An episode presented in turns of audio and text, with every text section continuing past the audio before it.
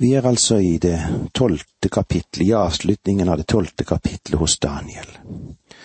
Og i vers to leser vi slik om mange av dem som sover i jorden skal våkne opp, noen til evig liv, andre til skam og evig avsky. Når menigheten blir rykket bort ut av verden, vil de gamle helter i Det gamle testamentet ikke være oppstandne. Hvorfor? Fordi tiden til å gå inn i riket er ved slutten av den store trengselen. Når Kristus kommer for å opprette sitt rike på jorden, da vil de hellige fra Det gamle testamentet bli reist opp. Abraham, Isak og Jakob vil bli vekket opp for å gå inn i riket på jorden ved denne tid. Det er klart at vi kan ha visse forskjellige forståelser av dette. For, ja, hvorfor? Jo, fordi det bibelske materialet kan være noe sparsomt for å sammenligne Det gamle og Det nye testamentet. Men Skriften ser ut til å antyde at det vil bli oppreist ved slutten av den store trengselen. Andre til skam og evig avsky. Det henviser til den som er tapt under Det gamle testamentets tid, og som vekkes opp for å stå for den store hvite trone for å få sin dom ved slutten av tusenårsriket. Eller slik det står i, i åpenbaringen 20, 11-15. Dommen. Jeg så en stor, hvit trone, og ham som satt på den. Jord og himmel svant bort, for hans åsyn var ikke lenger til. Og jeg så de døde, både store og små, de sto foran tronen, og bøker ble åpnet. Så ble en annen bok åpnet, Livets bok, og de døde ble dømt etter det som sto skrevet i bøkene etter sine gjerninger. Havet ga nå sine døde tilbake, og døden og dødsriket ga tilbake de døde som var der, og enhver ble dømt etter sine gjerninger.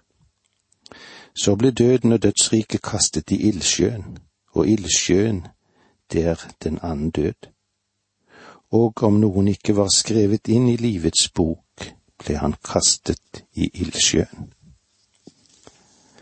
La oss se litt videre i Daniel kapittel tolv vers tre. Da skal de forstandige skinne som den strålende himmelhvelvingen, og de som har ført de mange til rettferd skal skinne som stjernene evig og alltid. Guds tjenere vil under de mørke dagene ved den store trengsel skinne som lys.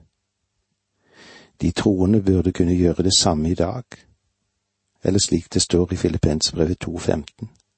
Så dere kan være uklanderlige og rene, Guds barn uten feil, midt i en vrang og fordervet slekt. Dere skinner blant dem som lys i verden. Den rest som finnes ved denne tid, vil være Guds vitner i verden, og de skal føre de mange til rettferdighet. Denne rettferdighet er Kristus, den eneste rettferdighet som vil bli stående innenfor Gud. Vår rettferdighet er som skitne filler i hans øyne, og om det gjerne ikke er det i våre egne øyne, så er det nå engang slik. Vi kan kanskje synes at det går ganske bra, vi klapper kanskje hverandre på skuldrene og sier til hverandre at vi er i grunn ganske gode, mens det vi skaper etter Guds vurdering, det er flekket, skitten vask. Gud aksepterer ikke våre gjerninger. Han aksepterer Kristi rettferdighet, og den gis til oss bare ved tro. La oss gå litt videre angående forseglingen av profetien til tidenes ende. Vers fire. Men du, Daniel, må gjemme disse ordene og forsegle boken inntil endetiden. Mange skal fare omkring, og kunnskapen skal øke. Disse profetiene skulle forsegles inntil endetiden. Det betyr ikke tidenes ende men henviser til en tidsepoke som Daniels bok utgjør i den syttiende uke. Med tanke på at vi er i det tidsrommet umiddelbart før denne perioden, så er det vanskelig å vite hvor mye vi egentlig forstår. Siden så mange dyktige og gode menn ser forskjellig i dag på tolkningen av profetiene, så burde det antyde at det er ikke så veldig mye vi forstår. Alt dette vil åpnes opp når vi når denne spesielle periode. Og det er årsaken til at vi trenger å holde øynene åpne for et forhold. Og hvilket forhold er det? Jo, slik som det står i Titus 2.13. Vi venter på at vårt håp skal få sin salige oppfyllelse, og at vår store Gud og frelse Jesus skal komme til syne i herligheten. Mange skal fare omkring, mange skal fare omkring. Jeg føler meg usikker på om dette skal vise eller henvise til reisevirksomhet. Men det tror jeg ikke, fordi det å fare omkring er knyttet sammen med kunnskap. Det stod jo slik mange skal fare omkring, og kunnskapen skal øke. Det gjelder å studere Skriftene, så jeg heller vil at dette henviser til at vi må jage eller lete gjennom Bibelen, gjennom Skriftene, for å studere profetiene. Mange skal granske dem om igjen og om igjen og det foregår mange seriøse studier av profetien i dag som vi ikke har hatt tidligere. Det finnes forskjellige store læresystemer angående menigheten slik den har utviklet seg i de forskjellige tidsperioder i løpet av kirkens historie. Til å begynne med var det læren om Skriftens inspirasjon som fikk mest oppmerksomhet, og ble fastslått også læren om Kristi guddom og forsoning. Andre doktriner ble utviklet ned gjennom historien. I dag tror jeg at vi møter flere studier av profetien enn på lang tid, eller hvordan menighetens historie har blitt bygget opp. Kunnskapen skal øke. Jeg tror at dette også er knyttet til kunnskapene om profetiene. Det er sant at kunnskapen generelt har økt på alle felter, men jeg tror at det i særlig grad er knyttet til studiet av profetiene. La oss se vers fem til syv i kapittel tolv. Da fikk jeg, Daniel, øye på to andre som sto der en på hver side av elven. En av dem sa til mannen som var kledd i lin, og som svevet over vann i elven. Hvor lenge varer det før disse underfulle ting har hendt? Mannen som var kledd i lin og som svevet over vann i elven, løftet høyre og venstre hånd mot himmelen, og jeg hørte at han sverget ved den evige. En tid og tider og en halv tid når de helliges folks makt er helt knust, kommer slutten på alt dette.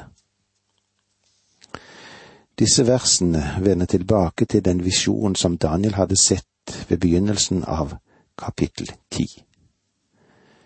Mannen var kledd i lin. Det er tidligere blitt markert som den levende Kristus før inkarnasjonen. To andre slutter seg til ham her den ene står på den ene bredden av Tigriselven og den andre på den motsatte bredden. En spør hvor lang tid disse hendelsene vil ta, og den før inkarnerte Kristus understreker at det vil ta tre og et halvt år, som er den siste del av Daniels syttiende uke. Når det helliges folks makt er knust, det er en merkelig setning. Det kan bety at Israels opprør vil være totalt knekket ved slutten av den store trengselsperiode, og at man ved den tid har sett en massiv omvendelse til Gud. Vers åtte Jeg hørte det, men forsto det ikke og spurte Herre, hva er slutten på dette? Og eh, med disse ordene må vi si takk for nå, må Gud være med deg. Dette undervisningsprogrammet består av to deler. Åge Nevland fortsetter nå med andre del av dagens undervisning. Vi er i avslutningen av Danielsboken. Vi er i det tolvte kapitlet. Og eh, før vi går inn på det som vi skal avslutte med fra vers åtte, la oss lese de første åtte versene av Daniel tolv. På den tid skal Mikael den store fyrsten stå fram, han som verner dine landsmenn. Det skal komme en trengselstid som det ikke har vært maken til helt siden folkeslag oppsto. Men på den tid skal ditt folk bli frelst, alle som er skrevet opp i boken. Og mange av dem som sover i jorden skal våkne opp, noen til evig liv, andre til skam og evig avsky. Da skal de forstandige skinne som den strålende himmelhvelvingen og de som har ført de mange til rettferd skal skinne som stjernene evig og alltid. Men du, Daniel, må gjemme disse ordene og forsegle boken inntil endetiden. Mange skal fare omkring, og kunnskapen skal øke. Da fikk jeg, Daniel, øye på to andre som sto der, en på hver side av elven. En av dem sa til mannen som var kledd i lin og som svevet over vannet i elven, Hvor lenge varer det før disse underfulle ting har hendt? Mannen som var kledd i lin og som svevet over vannet i elven, løftet høyre og venstre hånd mot himmelen, og jeg hørte ham sverge ved den evige. En tid og tider og en halv tid når det hellige folks makt er helt knust, kommer slutten på alt dette. Jeg hørte det, men forsto det ikke og spurte, Herre, hva er slutten på dette? Selv Daniel, som var vitne til alt det som foregikk, han forsto ikke hva han så og hva han hørte. Daniel var forvirret og ønsket å vite hvordan alt dette hang sammen og hvordan det var at det hadde vært slik dette vitnet hadde utviklet seg. Vers ni Da sa han til meg, gå bort, Daniel, for disse ordene skal være skjult og forseglet inntil endetiden. Daniel blir igjen minnet om at disse ting vil finne sted i endetiden og bli midlertidig forseglet. Men du, Daniel, må gjemme disse ordene og forsegle boken inntil endetiden. Mange skal fare omkring, og kunnskapen skal øke. Vers ti Mange skal bli renset og tvettet og lytret, men de ugudelige skal fortsette i sin ugudelighet, og ingen av dem skal skjønne noe men de forstandige skal forstå. Dette er noen vesentlige prinsipper fra Guds side som skal gjelde fra Daniels tid, og hvor lenge, til endenes tid, uansett de forskjellige tidshusholdninger. La oss se på to–tre punkter. Mange skal bli renset. Det henviser til dem som er kommet til Kristus eller som det står i Titus brev 3.5. Ikke på grunn av rettferdige gjerninger som vi har gjort, men etter Hans store barmhjertighet. Det andre, men de ugudelige skal ikke skjønne noe, henviser til det naturlige mennesket, eller første Korinterbrev 2.14. Men slik et menneske er i seg selv, tar det ikke imot det som hører Guds ånd til for ham er det uforstand, og han kan ikke fatte det. Det kan bare bedømmes på åndelig vis.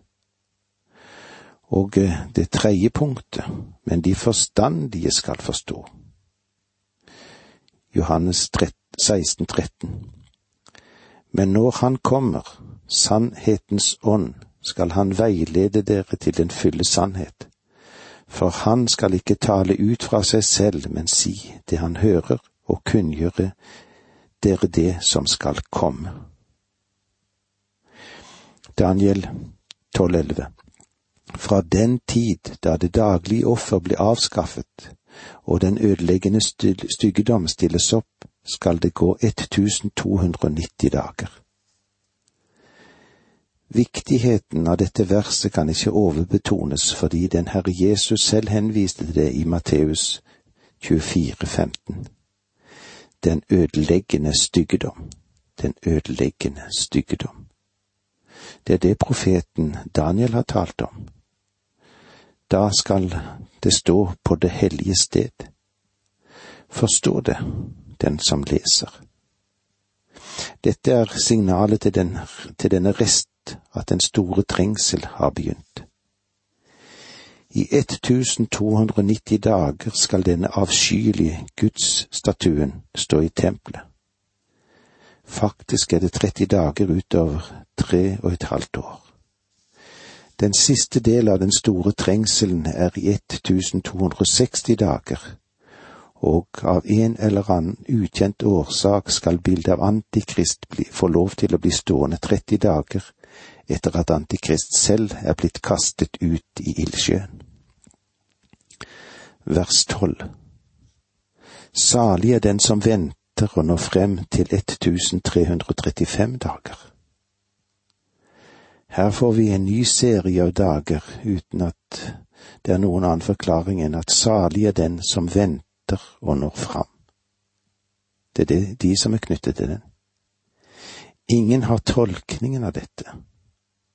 Dette er forseglet inntil tidenes ende. Noen ganger prøver vi å forstå mer enn det som faktisk er gitt oss. Vers 13 Så går du endetiden i møte. Du skal hvile og stå opp til din lodd ved dagens ende. Daniel blir fortalt på samme måte som Jesus fortalte det til Simon Peter, at han skulle dø. Han skulle ikke leve for å se Kristi gjenkomst, men han skulle oppreises fra de døde for å gå inn i tusenårsriket. Til din lodd betyr Daniel skal oppreises sammen med de hellige fra Det gamle testamentet ved begynnelsen av tusenårsriket. Dagens ende, ja, dagens ende, det fører oss til inngangen til Kristi veldige rike, det. Det er den fremtid som ligger foran oss. En fremtid som sier at Jesus vil komme til jord for å opprette sitt rike. Og dette håpet burde holde oss levende i troen på Jesus og i disse tider som vi er inne i nå. Når vi nå har gått igjennom Danielsboken, så tror jeg det kan være godt for oss å sitere litt av hva Brorson har skrevet i salmen sin hvor det blir godt å lande ved himmelens stille kyst, og ei med tårer blande sin sang ved Jesu bryst.